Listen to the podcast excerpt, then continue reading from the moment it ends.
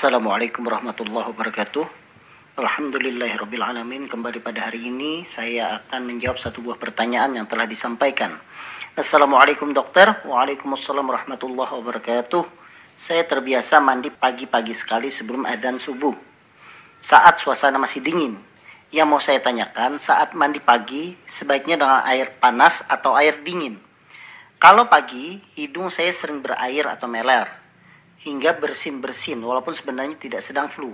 Wajarkah itu dok? Bagaimana bisa begitu dan apa penyebabnya dari Bapak Darmanto? Baik Bapak Darmanto, terima kasih atas pertanyaan yang telah disampaikan. Jadi e, masalah mandi pagi ini sebenarnya masih ada beberapa pendapat di mana masing-masing saling ya saling punya argumennya masing-masing. Tetapi ya saya sampaikan bahwa mandi pagi itu adalah suatu hal yang wajar kita lakukan, terutama budaya kita di Indonesia. Nah, permasalahannya adalah bagaimana mandi pagi tersebut. Apakah mandi pagi tersebut dilakukan pada saat subuh hari atau sebelum subuh dengan cuaca dengan kondisi yang sangat dingin ataukah diterangkan hari dulu agar misalnya cuacanya tidak terlalu dingin sehingga mandinya tidak sampai menggigil.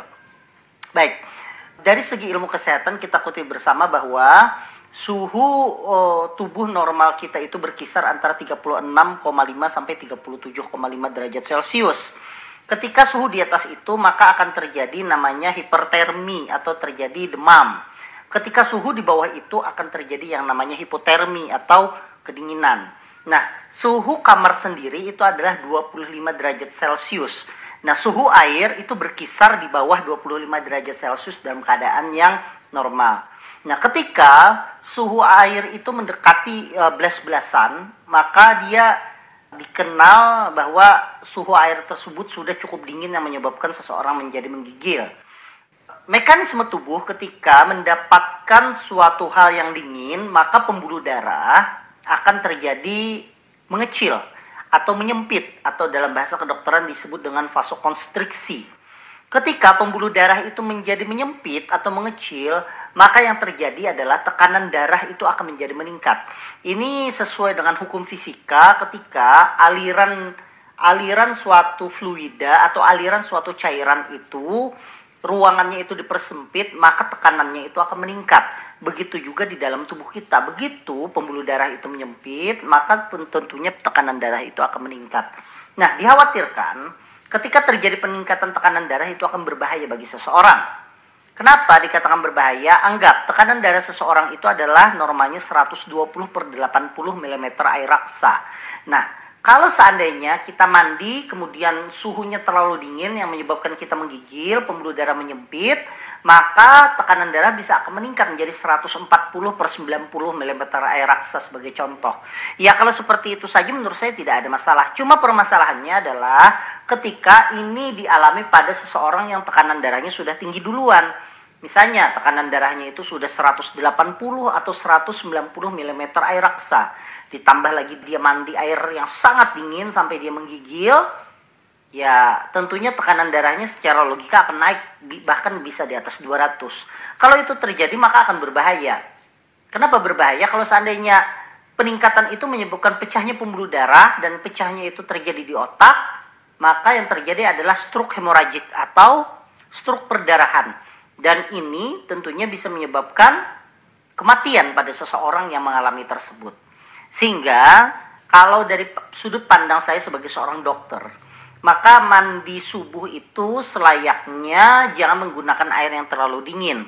Andai pun misalnya ya, misalnya andai pun juga sudah terbiasa ya mengguna dengan mandi air dingin, ya silahkan diteruskan. Tetapi kalau sekiranya ternyata air itu bisa diperkirakan menyebabkan menggigil, ya dicampurlah dulu dengan air hangat agar airnya tidak menjadi terlalu dingin seperti itu.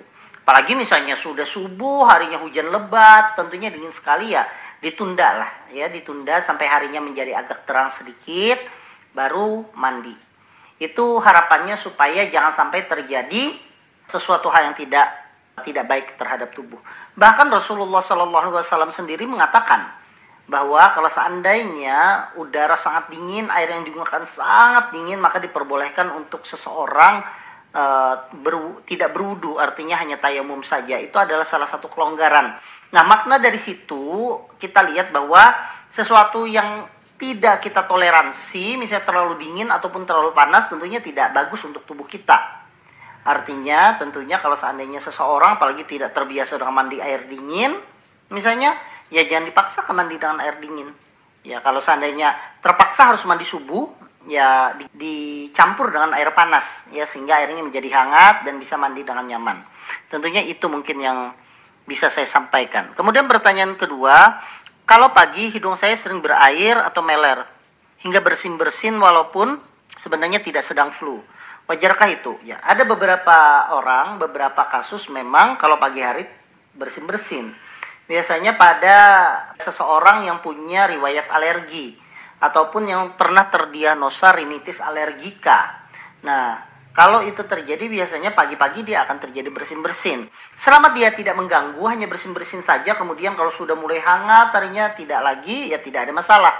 Yang menjadi bermasalah itu ketika bersin-bersin itu menyebabkan gangguan seperti hidung yang tersumbat, nyeri kepala, bahkan bernafas menjadi berat atau sulit. Nah, itu yang menyebabkan gangguan. Nah, itu harus dilakukan tindak lanjut dengan melakukan pemeriksaan di hidung. Bisa datang atau kontrol ke dokter penyakit dalam atau dokter spesialis telinga hidung tenggorok atau bisa juga dilakukan tes alergi atau dilakukan pemeriksaan lanjutan dengan ronsen untuk memastikan bahwa apakah ada gangguan di rongga sinonasal yaitu rongga sinus dan rongga di dalam hidungnya tersebut. Jadi tidak usah khawatir selama tidak ada permasalahan.